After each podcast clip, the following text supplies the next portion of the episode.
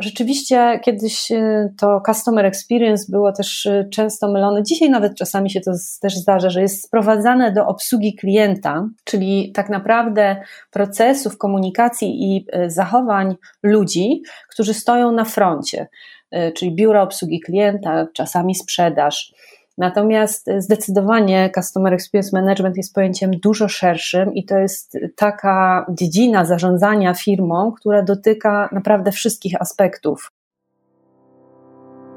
Jak odnaleźć się w finansach? Jak sprawić, by pieniądze służyły realizacji naszych celów życiowych? Na te oraz inne pytania odpowiadają goście podcastu Po o pieniądzach, którego partnerem jest General Investments TFISA i który mam zaszczyt prowadzić. Nazywam się Radosław Budnicki, na co dzień prowadzę podcast Lepiej Teraz i nie jestem internetowym guru zarabiania. Rozmawiam tylko po ludzku o pieniądzach z ekspertami, którzy zrozumiałym językiem tłumaczą zawiłości finansów i to, jak sprawić, by pieniądze nam służyły, a nie nami rządziły. Serdecznie zapraszam. Witam Was serdecznie w kolejnym odcinku podcastu Po ludzku o pieniądzach. Dzisiaj moim gościem jest Joanna Hirsch, która jest ekspertką na co dzień zarządzającą butikiem doradczym Good Customer Experience i zgodziła się wystąpić w Po ludzku o pieniądzach, by opowiedzieć, dlaczego zarządzanie doświadczeniem klienta jest ważne dla każdej firmy, i samego klienta. Serdecznie zapraszam do wysłuchania tego odcinka. Witam Cię serdecznie w podcaście Po ludzko o pieniądzach. Bardzo dziękuję, że zgodziłaś się wystąpić, Joanno. Dzień dobry, witam. Ja też się bardzo cieszę. Jakbyś mogła na początek e, powiedzieć słuchaczom, e, czym się obecnie zajmujesz zawodowo, gdzie pracujesz? Jak ostatnio o tym myślałam, po siedmiu latach w sumie mojej, mojej obecnej pracy, mm, to e, doszłam do wniosku, że zajmuję się ulepszaniem świata albo może bliżej, troszeczkę bardziej szczegółowo, pomaganiem ludziom, e, żeby im się żyło lepiej. Bo tak naprawdę, e, jak pomyślimy sobie o customer experience i o poprawianiu customer experience, a tym się właśnie zajmuję, to to wszystko dotyczy, dotyczy człowieka. Tego, żeby temu człowiekowi w kontaktach z markami, z firmami, z urzędami było po prostu lepiej, żeby mu łatwiej żyć, żeby im było przyjemniej. E, ale tak, tak na serio, to, to, to rzeczywiście e, od ponad siedmiu lat e, prowadzę firmę Good Customer Experience, którą założyłam z czystej pasji do tematyki Customer Experience, bo tym się zajmowałam jako jednym z kilku tematów,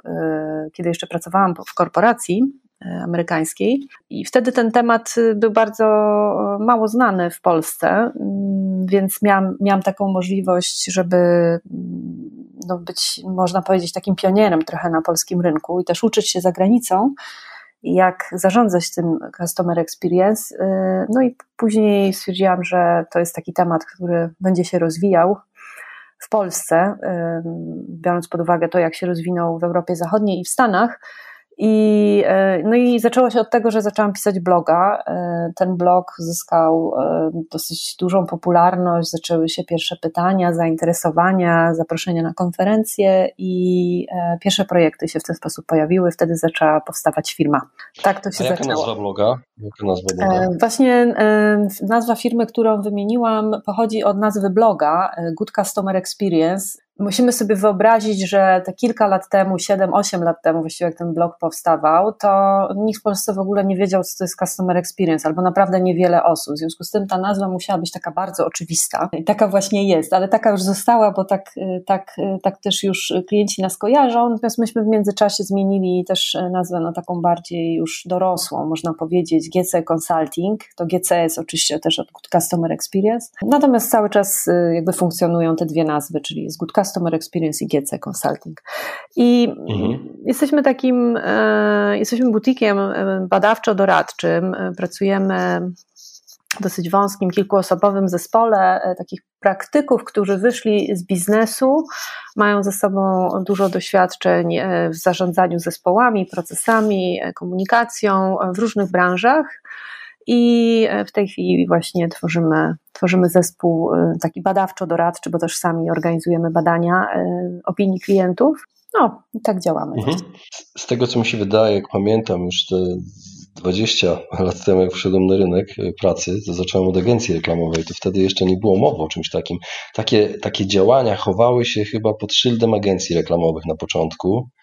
Potem pojawiło się CRM, a mhm. teraz jest y, CEM. Jaka jest różnica między CRM a CEM-em? CRM, tak rozumiany stricte, to jak rozumiem, masz na myśli system, tak? Do zarządzania. Customer Relationship Management to był właśnie e, system. No, to był system, no tak? tak? System, no dokładnie. Y, czyli w CRM-ie mamy bardziej mowę o, o systemie, w którym są gromadzone wszystkie dane klientów, wszystkie zdarzenia, które mogą dotyczyć klientów. Natomiast przy Customer Experience Management to my tak naprawdę mówimy o takim, czyli tłumaczymy to na polski, zarządzanie doświadczeniem klienta, czy doświadczeniami klientów. I mówimy, mamy tutaj na myśli takie proaktywne planowanie, projektowanie procesów, systemów, komunikacji do klientów w taki sposób, aby e, punktem wyjścia było takie docelowe doświadczenie klienta, jakie firma chce dostarczyć temu klientowi. Tak? Czyli jeżeli sobie wyobrazimy, że firma deweloperska mówi, że odbiór mieszkania, na które klient czekał półtora roku czy dwa lata, ma być jego najpiękniejszym dniem w życiu i on ma mieć absolutnie pozytywne doświadczenia i być szczęśliwy, zadowolony i tryskać pozytywną energią, to żeby to osiągnąć, trzeba tym bardzo świadomie zarządzić całym procesem tak naprawdę i organizacji tego odbioru mieszkania, ale również zadbać o jakość wykończenia mieszkania, które klient odbiera, żeby nie było tam żadnych usterek. Trzeba zadbać o to, aby postawa ludzi, którzy przekazują to mieszkanie klientowi, była również odpowiednia i tak dalej, i tak dalej cały szereg rzeczy, e, które trzeba zaprojektować, uzgodnić, ćwiczyć, konsultować cały czas wewnętrznie w firmie, ale również z klientami, e, żeby na końcu uzyskać ten, ten docelowy właśnie efekt. E, ten docelowy efekt, czyli te docelowe doświadczenia klienta, one oczywiście powinny się opierać o to, co klienci mówią w badaniach, tak? czyli jakie mają oczekiwania, czy, czego, by, czego, by, czego potrzebują w kontakcie z firmą, co stanowi dla nich taką realną wartość ze współpracy, co im ułatwia życie, co sprawia, że oni będą tą firmę częściej wybierali, dlatego że jest im właśnie przyjemnie z, nim, z, nim, z tą firmą współpracować, jest im łatwo, jest to dla nich wygodne, nie wymaga dużo wysiłku, no i jeszcze też niesie pozytywne emocje. I tym wszystkim można świadomie zarządzać. I to e, rzeczywiście kiedyś e, to customer experience było też e, często mylone. Dzisiaj nawet czasami się to też zdarza, że jest sprowadzane do obsługi klienta, czyli tak naprawdę procesów komunikacji i zachowań ludzi, którzy stoją na froncie czyli biura obsługi klienta, czasami sprzedaż, Natomiast zdecydowanie Customer Experience Management jest pojęciem dużo szerszym i to jest taka dziedzina zarządzania firmą, która dotyka naprawdę wszystkich aspektów funkcjonowania tej firmy. Wszystkie procesy, które firma, w które w firmie funkcjonują, powinny być ustawione i zoptymalizowane pod kątem e, dostarczania tego optymalnego, docelowego doświadczenia klienta. Niestety tak nie jest, bo to jest taki świat idealny, o którym ja mówię. Mhm ale wiele firm podejmuje to, to wyzwanie i zmienia, i no my też widzimy bardzo wiele sukcesów takich wdrożeniowych. Kiedy klient może rozpoznać, że właśnie dotknęła go ręka e, CEM, czyli Customer Experience Management? Bo ja tak z własnego doświadczenia, mhm. z tego co ty mi powiedziałaś teraz, to przed oczami zaczęły mi się pojawiać te maile, które się pojawiają zaraz po rozmowie z kimś z call center. Czy, y, czy pracownik call center odpowiedział wyczerpująco na Twoje e, wszystkie pytania, gwiazdki i opisz? Wiesz o czym mówię. Mm -hmm, Bardzo -hmm. często dostajemy coś takiego. Czy to jest element y, CEM? No to jest, y, tyle tylko, że to jest bardziej od strony, patrząc od strony firmy. Ty tak naprawdę powinieneś doświadczyć jako klient tego, tego zarządzania doświadczeniem klienta poprzez to, jak szybko mogłeś się dodzwonić na tą infolinię, czy długo czekałeś, czy rozumiałeś zapowiedzi, które y, które są ci odczytywane z, z IVR-u, y, czy było, czy było to intuicyjne, tak, co masz wybrać. Czy osoba, z którą się połączyłeś, próbowała zrozumieć Twój problem? Czy miała nastawienie pozytywne takie, żeby Ci pomóc? Czy może zasłaniała się procedurami, e, nie wiem, bo przecież pan to podpisał w umowie. No różne, mhm. różne tego typu czasami się słyszy komentarze. Także no, od strony firmy tak, Element ankiety jest oczywiście elementem systemu zarządzania doświadczeniami klientów, bo bez tego nie wiemy, jak nam idzie. Natomiast od strony klienta mm, może być nawet uciążliwością, tak? bo to zależy oczywiście jeszcze, jak, jak firmy to zorganizują i, y, i jak bardzo jest to natarczywe dopytywanie. Mhm. To też trzeba robić właściwie. A powiedz, czym nie jest y, CEM? Z czym jest mylone często, y, jak się spotykasz? No właśnie, często jest sprowadzane do tej obsługi klienta, y, to, to, to o czym zaczęłam mówić i, i to jest bardzo duży błąd, tak? dlatego że nawet dzisiaj miałam taką prezentację, z której bardzo się cieszyłam, firma z branży finansowej, w której mieliśmy przyjemność prowadzić projekt właśnie zarządzania doświadczeniami klientów w ubiegłym roku i o dziwo właśnie to dział e, windykacji i finansów poprosił nas o ponowne, szczegółowe omówienie wyników analizy i badań, ponieważ oni bardzo są zainteresowani tym, co wyszło i, e, i co mogliby poprawić w swojej pracy. I to jest właśnie mm, bardzo dobry przykład na to, że bez względu na to, w której części organizacji jesteśmy, to w jakiś sposób pośrednio albo bezpośrednio e, wpływamy na to doświadczenia klienta. Ten przykład tutaj działu finansów czy windykacji to jest oczywiście wpływ pośredni. Oni nie mają bezpośredniego kontaktu z klientem, ale jednak wystawiają faktury, na których mogą się zdarzyć błędy, wysyłają monitoring tak, w sprawie opóźnienia płatności czy przypomnienia płatności. To też trzeba robić dobrze, żeby klient odbierał to pozytywnie, a nie negatywnie. Zmierzam do tego, że tak naprawdę zawężanie zarządzania doświadczeniami klientów tylko i wyłącznie do obsługi klienta no, mm, pomija tak naprawdę takie kluczowe aspekty różnych innych procesów, e, które są w organizacjach i które wpływają na klienta. Więc y, to jest jakby pierwsza rzecz, tak? Wszyscy w firmie odpowiadają za doświadczenia klienta. Dział prawny, księgowa, administracja, no i oczywiście te działy bezpośrednio, bezpośrednio obsługujące klienta, bezpośrednio się z nim kontaktujące również. E, to jest, to jest pierwsza rzecz. E, często też customer experience jest mylone z user experience. User experience jest pojęciem węższym. Ono dotyczy, do, ono dotyczy tak naprawdę takiego obszaru wygody, intuicyjności, korzystania z jakiegoś y, konkretnego przedmiotu, czy wycinka y, usługi. Jeżeli widzimy interfejs serwisu transakcyjnego banku, no to tam możemy mówić w kontekście Y, dostępnych narzędzi, y, łatwości poruszania się, nawigacji tak, po, tym, po tym serwisie, możemy mówić o user experience.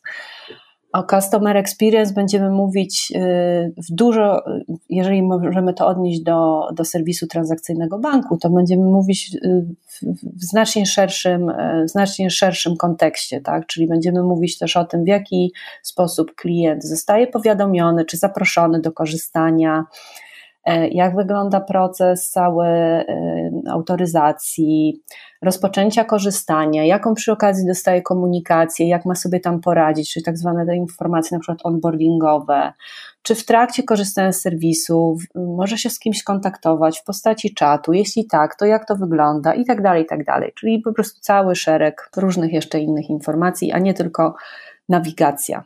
E, no i ten CRM, tak, to też, e, ale teraz to już się chyba rzadko zdarza. Wydaje mi się, że to było kilka lat temu, kiedy CRM tak mm, łączono z CEM-em. Teraz wydaje mi się, że już wszyscy e, raczej zaczynają to rozróżniać, że, że jednak CRM no jest pewną bazą, bazą danych, tak, którą, którą oczywiście przy zarządzaniu doświadczeniami klientów warto, warto wykorzystywać. I ja, ja przynajmniej tak zauważyłam z naszej praktyki, że firmy, które mają dobre CRM-y, dużo lepiej sobie radzą z zarządzaniem doświadczeniami klientów, dlatego że mają po prostu uporządkowane dane o klientach, które są transparentne poprze, poprze, poprzez całą organizację. E, są w stanie wyciągać różne raporty, analizy i po prostu jest to łatwiejsze dla nich, tak? Mhm. A powiedz, y, powiedziałaś o CRM-ie, to wiąże się z drugimi jakimiś technologiami, wdrożenie CEM? I od czego zależy koszt wdrożenia w ogóle? Od czego zależy koszt wdrożenia? Tak, w dużej mierze zależy od tego, y, jaki, do jakiego stopnia firma jest aktualnie zdigitalizowana i jakie ma systemy. I czy te systemy są ze sobą powiązane, czy są kompatybilne, czy, czy to jest tak, że przypominam sobie przykład z firmy telekomunikacyjnej, gdzie klienci się skarżyli na e, bardzo długą obsługę przez doradcę w punkcie sprzedaży, gdzieś tam w galerii handlowej. E, a przecież promocja jest tak łatwo komunikowana, prawda, patrząc na reklamę telewizyjną. E, I klient oczekuje, że skoro promocja jest prosta, to też szybko ją uzyska potem w postaci umowy. A po stronie konsultanta to wyglądało zupełnie inaczej, tego, tego doradcy, tego sprzedawcy, ponieważ on miał 13 systemów, w których musiał zakliknąć x rzeczy. W każdym co innego. Jeżeli ten doradca się tam pomylił, to klient przy pierwszej fakturze przeżywał ogromne rozczarowanie, ponieważ e, widział inną kwotę niż tą, na którą się umówił, a na pewno inną niż tą, którą widział na reklamie. Do czego zmierzam? Czyli jeżeli im bardziej są kompatybilne ze sobą systemy, im prostsza jest obsługa tych systemów dla pracowników, e, to, to na pewno od, będą to też pozytywnie odczuwać klienci. Mhm. Ale to jest akurat taki aspekt, który dotyka bezpośrednio takiej sytuacji obsługowej klientów. Natomiast bardzo często jest tak, że mm, pewne dane są dostępne w jednym systemie, ale nie zaczytuje ich drugi system. Y, który jest odpowiedzialny za inny proces. I, y, i tutaj już też tej brak, brak przepływu tych danych, y, brak kompatybilności też będzie wpływał na to, że pewnych rzeczy po prostu się nie da usprawnić. I wtedy trzeba podjąć decyzję, musimy wymienić system. Albo musimy jedną część w ogóle wyrzucić i dobudować do tego, pozosta- do, tej, do tego pozostałego jakąś inną, jakiś inny moduł. I to są wtedy bardzo duże koszty, tak? I często te zmiany systemowe, właśnie, one są najbardziej y, kosztochłonne, czasochłonne y, i one najdłużej trwają. Ale szczęśliwie y, jest tak, że bardzo dużo zmian firmy mogą wprowadzić w dużo, w dużo krótszym czasie i, i po niższych kosztach. E, I to są zmiany często wiążące się z poprawą komunikacji do klientów, z udostępnianiem im pewnych danych, z pewną proaktywnością. E, jeżeli już wiemy, że klienta gdzieś boli, czy tam mu brakuje informacji, to możemy taką komunikację zaplanować. Bardzo dużo też można poprawić w customer pracując nad postawą ludzi bo to ci ludzie, y, bo to ci ludzie tak naprawdę też y, bardzo mocno wpływają na emocje klientów. No, tworzą experience. Tak, to oni właśnie tworzą to experience, dokładnie. Mhm. Także są, ja bym powiedziała tak, są oczywiście y, takie obszary do usprawnień, które są wynikiem projektów, takich analiz tak, cemowych, które no, rzeczywiście są kosztowne i wymagają sporo czasu ale są też takie, które mm, naprawdę można je nazwać, że są, są wręcz tak zwane quick winsy i można to zrobić bardzo szybko. I pewnie są też takie średnie, tak. To wszystko zależy tak naprawdę, mówię, punktem wyjścia jest to, jak firma, e, z czego firma startuje, tak. Im, im bardziej e, im, ba, im, bardziej jest zdigitalizowana i te systemy na przykład są młodszej generacji, to jest, jest to dużo łatwiejsze. Tak? Najgorzej jest w instytucjach, w dużych zwłaszcza instytucjach, kiedy firma się rozwijała albo było, jest na przykład powstała w wyniku, w wyniku połączenia kilku firm y, i wtedy te systemy ze sobą po prostu nie rozmawiają, to jest, to jest wtedy rzeczywiście kosztowne. Mhm. A powiedz, y, a powiedz, y, jak zwraca się taka inwestycja? Dlaczego to jest ważne? Co daje klientom, co daje firmom? Mhm. Mhm. My znajdujemy y, w, w, po naszych analizach y, Customer Experience takie, takie obszary, które ja bym mogła powiedzieć, że one, y, jeżeli, jeżeli firmy je poprawiają, to w, w dużej mierze są w stanie po prostu wyeliminować niepokój klienta, który się w efekcie też przekłada na, na to, że klienci się intensywnie zaczynają kontaktować z firmą bo czegoś nie wiedzą, bo nie rozumieją, y, bo muszą wyjaśnić, bo muszą dopytać. I to jest, y, czyli cała masa y, tak naprawdę takich, można zrobić jakby dzięki temu, że, że zrobimy pewne usprawnienia i klienci dostaną informacje na czas i takiej w takiej zawartości, takiej jakości, jakiej potrzebują, to mm, oni tak naprawdę sami się obsłużą i wówczas eliminujemy pewne koszty związane z odpowiadaniem y, na pisma, z odbieraniem telefonów, z odpowiadaniem na maile i tak dalej, i tak dalej. Cały, cały, ten, cały ten taki element. I to jest, y, nazwałam to sobie właśnie takie eliminowanie takiej y, zbędnej komunikacji przychodzącej od klienta, bo w dużej mierze to firmy ją generują poprzez swoje zaniechania, poprzez swoje błędy komunikacyjne. I to jest jakby pierwsza rzecz. Y, druga rzecz jest taka, że wprowadzenie też pewnych mechanizmów, czy umożliwienie klientom samoobsługi też powoduje, że zespół, y, zespół jest mniej obciążony, bo musi, y, musi jakby mniej pomagać klientom. Klienci pewne rzeczy coraz chętniej robią sami, a już zwłaszcza ostatni rok i teraz też aktualna sytuacja związana z pandemią, no, pokazały, że klienci naprawdę y, bardzo chętnie się sami obsłużą, jeżeli tylko firmy im to umożliwią. I znowu, jest to jednorazowa inwestycja, bo w takiej na przykład możliwość takiej samoobsługi trzeba klientowi y, y, stworzyć, trzeba, trzeba ją zaprojektować, postawić i udostępnić i nauczyć jeszcze klientów, ale w długofalowo to powoduje, że, że po prostu klienci nie angażują do tego pracowników, więc to, to jest też y, myślę bardzo istotne. A to też zaleta dla firmy już teraz, bo pytałem tak. się zalety dla klientów i dla firmy. Mhm, A tak, przewagę ale... konkurencyjną da jakoś? Rentowność się po No właśnie, i to, to, to tak, bo to zapytałeś, jak się zwraca inwestycja. No to na pewno się zwraca, bo chciałam zacząć od strony kosztowej, czyli w tym sensie firmy, co prawda, najpierw muszą zainwestować, ale potem długofalowo te koszty się e, po prostu obniżają, obsługi klientów. I to jest jakby ten aspekt e, związany z kosztami, z obniżeniem kosztów. Ale jest też ta część oczywiście związana z przychodami. I tutaj bardzo często firmy w tym właśnie upatrują um, takiego wymier takiej wymiernej korzyści jeżeli chodzi o customer experience. Zresztą my często pytamy na początku projektów, jakby dlaczego co spowodowało, że firmy się zainteresowały tym, tym, tą tematyką i dlaczego chcą w ogóle wdrożyć właśnie to, to CEM u siebie. I, I często padają takie odpowiedzi, że idzie nam gorzej niż wcześniej, czy tracimy udziały w rynku, albo nie rośniemy tak jak, y, tak jak kiedyś, albo, y, albo jest y, z kolei potrzeba zajęcia większego udziału rynku. No są cele po prostu wyznaczone, tak? Czyli chcemy mieć, chcemy się rozwijać, chcemy mieć więcej przychodów. I wtedy też e, jakby zarząd, wtedy też zarządzanie doświadczeniami klientów, wprowadzenie takiego, takiego, takiego programu i, w ogóle takiej tematyki w firmie, takiej filozofii działania też, też będzie się na to przykładało. Dlaczego? Dlatego, że e, tak naprawdę e, poprawianie doświadczeń klientów ma de facto prowadzić do tego, że będzie się zwiększała, zwiększało się grono klientów, którzy są tak zwanymi promotorami tej marki, czyli będą ją rekomendować innym.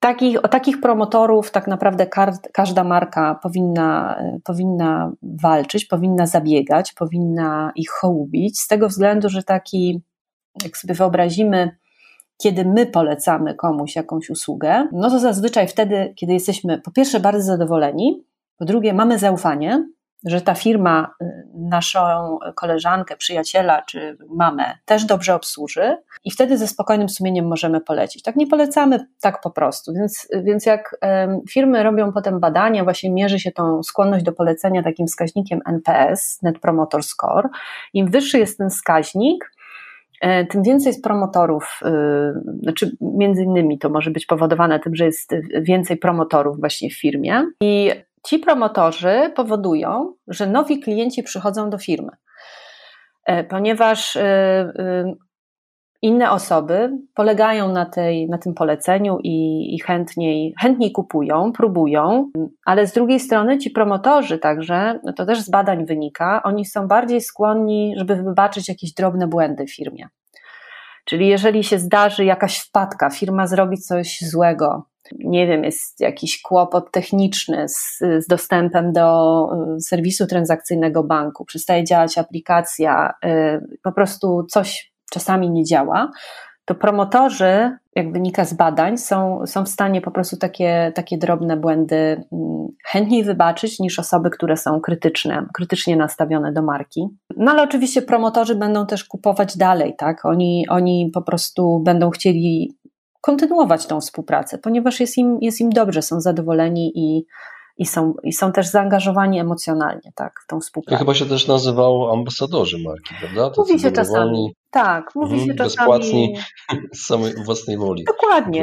dokładnie. Często widzi się na Facebooku właśnie takie dyskusje, słuchaj, kupiłam coś tam albo tak. kupiłem ten mhm. samochód i nagle jestem z niego dumny i nikt mi nie płaci, tylko po prostu polecam. Dokładnie. Tak, y- tam właśnie super mnie obsłużono na przykład w tym serwisie mhm. Toyoty i z samochodu też jestem zadowolona, no ale też fajnie się po prostu kupowało to auto, bo była super atmosfera, nie wiem, mogłam sobie zrobić jazdę testową, a w ogóle jak odbierałam samochód, to po prostu zapakowali mi, prawda, jak prezent w wielką kokardę. No i ludzie potem o takich rzeczach opowiadają, jak są zadowoleni i tak naprawdę tym samym przyciągają e, innych potencjalnych klientów mhm. do marki, w związku z tym E, stąd, e, stąd, ten, e, stąd ta możliwość wzrostu przychodów i, i zajmowania też szerszego, szerszego udziału w rynku, no bo tak naprawdę promotorzy przyciągają nowych klientów, tak? Sami. Nakręcają sprzedaż. Nakręcają sprzedaż, no najnormalniej w świecie, hmm. tak? Więc, więc po prostu. Jonna, hmm? bo mówimy o pieniądzach teraz, zwrocie, ale jaki jest koszt inwestycji? Jak to wygląda? Czy mógłbyś ale podać... mówisz teraz o, mówisz teraz o, samym, o samych, samej części takiej analizy? Wdrożenie, wdrożenie, wdrożenie CEM, czy to są duże pieniądze, czy to od czego to zależy? Może tak. Mhm. Bo domyślam się, że konkretnej kwoty mi nie podasz, bo na pewno nie ma stałej kwoty. Nie, ja myślę, że ona też zależy po prostu od instytucji, tak? E, bo zupełnie inaczej to będzie wyglądało w firmie średniej wielkości, a, a w, w, w, niż w firmie, która jest bardzo duża i rozproszona na przykład. Natomiast y, y, od czego to zależy? No, zależy to od tego też, na, zależy to od tego, na jakim rynku działamy czyli w sensie do których klientów, y, do, dla których klientów mamy swoje, swoje produkty czy swoje usługi. Dużo droższe są zawsze badania y, klientów firmowych, instytucjonalnych, czyli biznesu. I w kontekście jakby dowiedzenia się, czego oczekują klienci, E, e, jakie mają potrzeby, tak, i potem monitorowania też tej, e, tej jakości mm, doświadczeń klientów i dalszych oczekiwań, no to już jest na pewno też jakiś czynnik, który, który będzie wpływał, wpływał tutaj na koszty. Bo też po prostu dotarcie do tych osób jest dużo, dużo trudniejsze, tak? Więc to, to w jakiś sposób rzutuje. E, na pewno im lepsze bazy ma, e, bazy swoich klientów, właśnie im lepszy CRM ma firma, tym to też będzie wpływało tak, na, na kwestię dotarcia do klientów i zapro, zaprojektowania w ogóle całego tak naprawdę sposobu y, słuchania tego głosu klienta. Tak? Jeżeli, jeżeli te dane w firmie są, one są aktualne, czy aktualizowane również w trybie jakimś takim ciągłym, no to jakby zaprojektowanie tego, tego słuchania głosu klienta jest prostsze, tak? To nie będzie też y, mhm. takie wtedy kosztowne, natomiast mm, na pewno też to wpływa, tak? No i potem jest właśnie te, te czynniki, o których już wcześniej też mówiłam, czyli to ten stopień digitalizacji w tej chwili, no bo nie ukrywajmy, tak? No, akurat w tej chwili, jak rozmawiamy, no to jesteśmy w takim momencie, kiedy prawie od roku y, mamy pandemię, y, ludzie są, y, ludzie starają się izolować, pracują zdalnie, chcą się też zdalnie obsługiwać i w ogóle no myślę, że ten 2020 y, rok był takim rokiem trochę sprawdzam. Znaczy, dużo firm naprawdę sobie świetnie poradziło z przekierowaniem klientów do swoich kanałów y, zdalnej obsługi, ponieważ już je miało. Dla innych firm e, okazało się, że e, to, co kiedyś było niemożliwe, nie, bo my nie będziemy rozwijać tego kanału, nie, bo my nie możemy umożliwić klientom dostępu do, tego, do tych danych, nie, bo klienci tego nie mogą sami obsługiwać, bo my to zrobimy lepiej, albo oni jeszcze coś zepsują i tak dalej. Takie różne rzeczy też można było usłyszeć. Albo dział prawny mówił, nie, to jest, to jest, nie, to jest niebezpieczne, albo to jest niezgodne i tak dalej. To w, w, okazało się w ubiegłym roku, że jednak można. Także no, przeskoczyliśmy pewien taki etap dochodzenia myślę, przez kilka lat do, do takiego stanu, jak, jak w tej chwili możemy obserwować w niektórych firmach, takiej naprawdę tej, umożliwienia tej, tej zdalnej obsługi. E, I, e, I to, znaczy myślę, że to jest bardzo dobre, tak, jeżeli chodzi o, o doświadczenia klientów, no, czyli, czyli, właśnie ten stopień digitalizacji, no i potem te systemy, tak, o których też już mówiłam, czyli. Mhm. Y, mam jeszcze do Ciebie pytanie dotyczące y, konkretnych przypadków wdrożeń. Czy możesz wymienić jakieś konkretne przypadki wdrożeń CEM, które były udane, chociażby, które rzeczywiście przełożyły się na wzrost firmy, chociażby wdrożenia CEM, y, które pokazują, że lepiej radzą sobie w sytuacjach zaskakujących, na przykład w trakcie pandemii. Mhm, mhm. Um, no, konkretnych nazw firm nie mogę wymienić. A branży chociażby. Tak, bo, bo, bo tutaj naruszyłabym nasze, nasze zobowiązania. Oczywiście. Ale, y, ale tak, przygotowując się też y, rozmawiałam z jednym z naszych klientów, że mogę wymienić branżę. Y, mam takiego klienta z branży deweloperskiej, który, z którym pracujemy od kilku lat. I to jest, to jest dla mnie przykład takiego właśnie klienta, czy wdrożenia z sukcesem, z tego względu, że początki były, początki były dosyć trudne, ponieważ tak naprawdę mm, było e, z jednej strony już kadra zarządzająca mm, jakby wiedziała, że to jest ten kierunek i chciała w tą stronę podążać, ale wiedzy jakby w organizacji na ten temat było niewiele.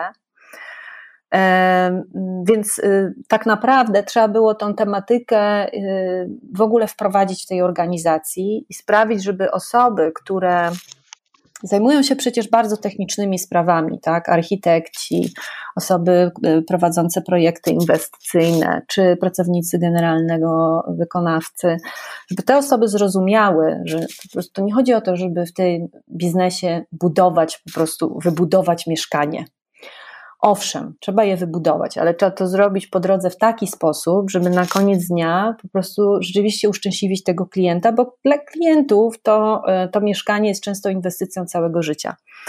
I e, myśmy tam e, przeanalizowali oczywiście do, doświadczenia obecne i oczekiwania klientów, opracowaliśmy całą mapę podróży, zidentyfikowaliśmy wszystkie punkty styku, jakie klient ma w trakcie całej tej współpracy, wieloletniej, bo to jest kilkuletnia współpraca, tak, z, z deweloperem. E, oznaczyliśmy punkty bólu, czyli miejsca, w których klienci są niezadowoleni. Oznaczyliśmy punkty zachwytu, czyli tam, gdzie jest dobrze. No i do tych punktów bólu oczywiście e, wskazaliśmy przyczyny te, braku tego zadowolenia klientów, powody, dlaczego nie rekomendują tej firmy. I mm, dla mnie, i potem ta firma po prostu przez, y, przez następne y, dwa lata pracowała z wynikami tych analiz.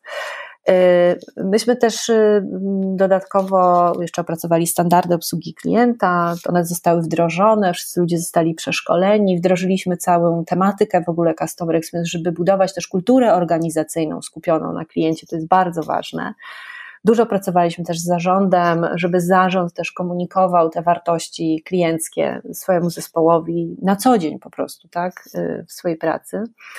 I y, krok po kroku y, firma wdrażała różne usprawnienia, również te, które no, mogę dzisiaj, jakby z dzisiejszej perspektywy powiedzieć, właśnie spowodowały, że firma sobie też dobrze poradziła e, z, w, w czasie pandemii, czyli pewne elementy takiej digitalizacji obsługi, które wtedy były takim, no można powiedzieć, czymś, co wiedzieliśmy, że poprawi doświadczenie klienta, ale można się było bez tego obejść, tak? A, a dzisiaj wiemy, że po prostu nie dałoby się bez tego funkcjonować, tak, tak jak funkcjonują teraz.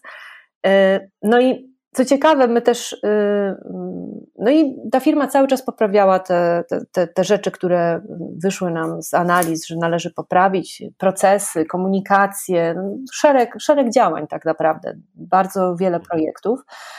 E, no i efekt jest taki, że myśmy też mierzyli, oczywiście, robiliśmy badania klientów sukcesywnie przez ten cały czas, do dzisiaj zresztą, i to jest dla mnie właśnie taki przykład takiej firmy, która konsekwentnie, cierpliwie wdraża e, usprawnienia, słuchając cały czas na bieżąco głosu klientów. My co miesiąc e, przynosimy kolejną dawkę informacji, co klienci docenili, jakie zmiany docenili, co jeszcze jest im potrzebne. Oni z tym pracują wewnętrznie i efekt jest taki, że NPS, czyli ten wskaźnik skłonności do polecania, on w ciągu tych ponad dwóch lat wzrósł im o e, kilkadziesiąt punktów procentowych. Także to jest e, naprawdę e, ogromny sukces. My, my jesteśmy bardzo z nich dumni i to jest naprawdę taki świetny przykład, że jeżeli uczyni się z tego customer experience takie DNA firmy i postawi się w centrum tego klienta, i wokół niego się organizuje różne inicjatywy usprawnieniowe, rozwojowe, to rzeczywiście firmy, firma, firma zaczyna odnosić sukcesy. To się też przekłada oczywiście na, na liczbę mieszkań, które sprzedają, mhm. dają. Mhm. Jano, mam jeszcze do Ciebie pytanie, zbliżamy się już do końca. Mam jeszcze na koniec pytanie takie. Yy, powiedzmy, że popełniliśmy porażkę wizerunkową. Czy CEM zadziała po fakcie? Taka ciekawostka. Jeżeli udało nam się klientów do siebie przekonać i oni właśnie stali tymi naszymi promotorami albo są już przynajmniej blisko, czyli rzeczywiście e, są zadowoleni ze współpracy z nami, e, jest im przyjemnie, wygodnie, łatwo e, i donosimy im to, co, to, co im obiecaliśmy, no to jest taka szansa, że oni właśnie nam wybaczą jaką, jakiś błąd, tak? Y, ponieważ y, doświadczyli tak dużo pozytywnych, y, pozytywnych działań ze strony firmy, że wiedzą, jakby, że to jest po prostu wypadek przy pracy, który się może mhm. zdarzyć. Chyba znam przykład.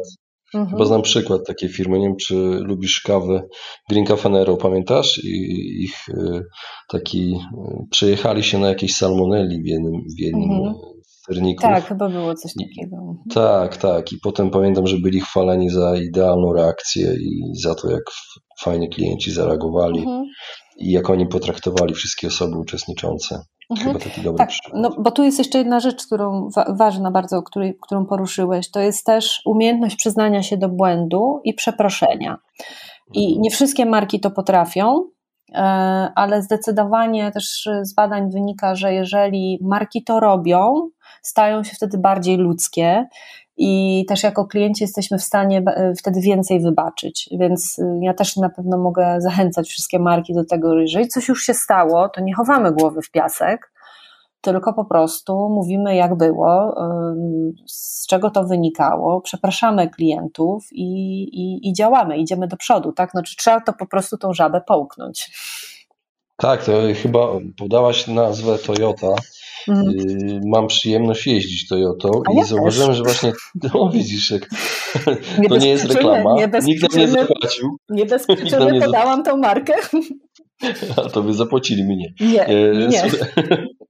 Y, I zauważyłeś, że Toyota, y, kiedy były jakieś tam znalezione usterki, to wycofywali wiele, kilkadziesiąt tysięcy modeli w ogóle. Potrafili po prostu przełykali. Tak. Połykali te żaby. Po prostu. Połykali te żaby, dokładnie. Ja teraz, mhm. to jest moja druga Toyota, e, ale pierwsza Toyota miała już parę lat na karku, że tak powiem. I to było niesamowite, bo mm, ja ją, ja ją potem już nawet ją sprzedałam, ale ona już miała chyba z 10, jak, jak nie więcej, już nie pamiętam, ale to było niesamowite, że już po sprzedaży napisała do mnie Toyota, że coś tam, jakiś element trzeba w tym samochodzie wymienić ja byłam w szoku, bo to był, bo to był samochód już naprawdę, no, nie pierwszej młodości. Y, a mimo tak, bo to się po, po latach coś odkryli na przykład. Po latach, nie, nie wiem, po prostu niesamowite. było coś niesamowitego. Ja już nie miałam tego auta, wiedziałam, że ono, wiedziałam, że ono już naprawdę ma ponad 10 lat i oni po prostu dalej do mnie pisali. To było coś niesamowitego, naprawdę, także... Może w efekcie to, to właśnie firmie się opłaca w efekcie to się opłaca, bo ludzie wrócą do takiej firmy, która do dziesięcioletniego modelu jeszcze wprowadza poprawki. To jest niesamowite. No, to można sobie zadać pytanie, dlaczego tak jest. Tak znowu, bo ja to tak od tej strony takiej bardziej może teoretycznej teraz na to spojrzę, ale to jest ważne, tak? Bo jeżeli chcemy przekonać e, firmy w Polsce, żeby zaczęły zarządzać świadomie tym doświadczeniem klienta, to warto sobie to uzmysłowić. Jeżeli firma pokazuje nam, że nie boi się sytuacji kryzysowych, jeżeli wtedy potrafi dalej pomóc klientowi, to my nabieramy jako klienci zaufanie. Czyli mogę kupować, mogę z nimi współpracować, bo nawet jeżeli coś będzie nie tak, to oni po prostu potraktują mnie fair. Tak samo jest przy reklamacjach. Zwróć uwagę, e, im łatwiej jest nam złożyć reklamację czy dokonać zwrotu, tym bardziej beztrosko dokonujemy zakupów. Bo jeżeli ja mam przeczucie, że e, nie wiem, przyjdzie, nie wiem, ta poduszka, dywan, cokolwiek, co zamówiłam i po prostu w każdej chwili mogę to zwrócić i w ogóle nie będę się tłumaczyć, mhm. a proces jest tak prosty, że, że, że naprawdę nie włożę w to dużo wysiłku, to wtedy mówię sobie, okej, okay, no to spróbuję. No i często te próby kończą się tak, że rzeczywiście klient zostaje z tym. Mhm. Tak samo jest przy reklamacjach. Nie? My czasami też mówimy firmom, słuchajcie, to nie chodzi o to, kto ma rację. Może i procedura mówi, że klient popełnił błąd. Może w umowie miał to wpisane, może nie pamięta. Nie o to chodzi. Chodzi o to, żeby w sytuacji, w której możecie sobie na to pozwolić jako firma, pójść klientowi na rękę. Nie wiem, ustalić jakieś szybkie ścieżki reklamacyjne, kwoty, do których po prostu nie dyskutujecie z klientem, załatwiacie sprawę po jego myśli, tak? To też po prostu powoduje, że klient się czuje doceniony a nie odesłane do procedury czy do umowy, bo czegoś nie przypisał. Mhm. Także ja z własnego, z własnego podwórka znam taką sytuację, że jakieś 10 lat temu zmieniłem sieć, której byłem bardzo długo, wiele lat. Mhm dlatego że zostałem bardzo źle potraktowany, nie podam nazwy mhm. i od tamtej pory co dwa lata dostaję telefon z tej sieci i przypominam im tą sytuację mhm. Mm, i Trudno, trudno się mówi. Po prostu wtedy nie było cemu. A mhm. cemu to już nie wiem. okay. już nie wiem. Nie są w stanie cię e, przekonać, mimo upływu czasu nie i zapewnić, że będzie lepiej. No właśnie. Nie, sposób w jaki zostałem potraktowany. Mhm. Dokładnie, stracili zaufanie. Dobrze, Joanna, bardzo Ci dziękuję za tę rozmowę. Świetnie, ja świetnie mi się dziękuję. rozmawiało. Mam nadzieję, że słuchaczom przybliży, przybliżyliśmy tematykę zarządzania doświadczeniem klienta. Ja również mam taką Dzie nadzieję. Y, bardzo lubię na ten temat y, mówić y, i, i, i, opowiadać o tym. Wydaje mi się, że jeżeli wszystkie firmy zaczną się tym zajmować, to po prostu nam wszystkim, jako klientom, ludziom właśnie będzie się żyło łatwiej, lepiej, przyjemniej, będziemy mieli mniej stresu, więcej przyjemności. To tak od strony takiej ludzkiej i klientowskiej patrząc. Super, dziękuję Ci bardzo. Dziękuję, cześć. Właśnie wysłuchaliście podcastu Po ludzku o pieniądzach. Mam nadzieję, że Wam się podobało. Jeśli tak, poświęćcie swój czas, proszę pozostawić swoją recenzję na Apple Podcast. Jeżeli macie pytania lub propozycje dotyczące kolejnych audycji, piszcie do mnie na fanpage'u Po ludzku o pieniądzach i do usłyszenia następnym razem. Pozdrawiam serdecznie.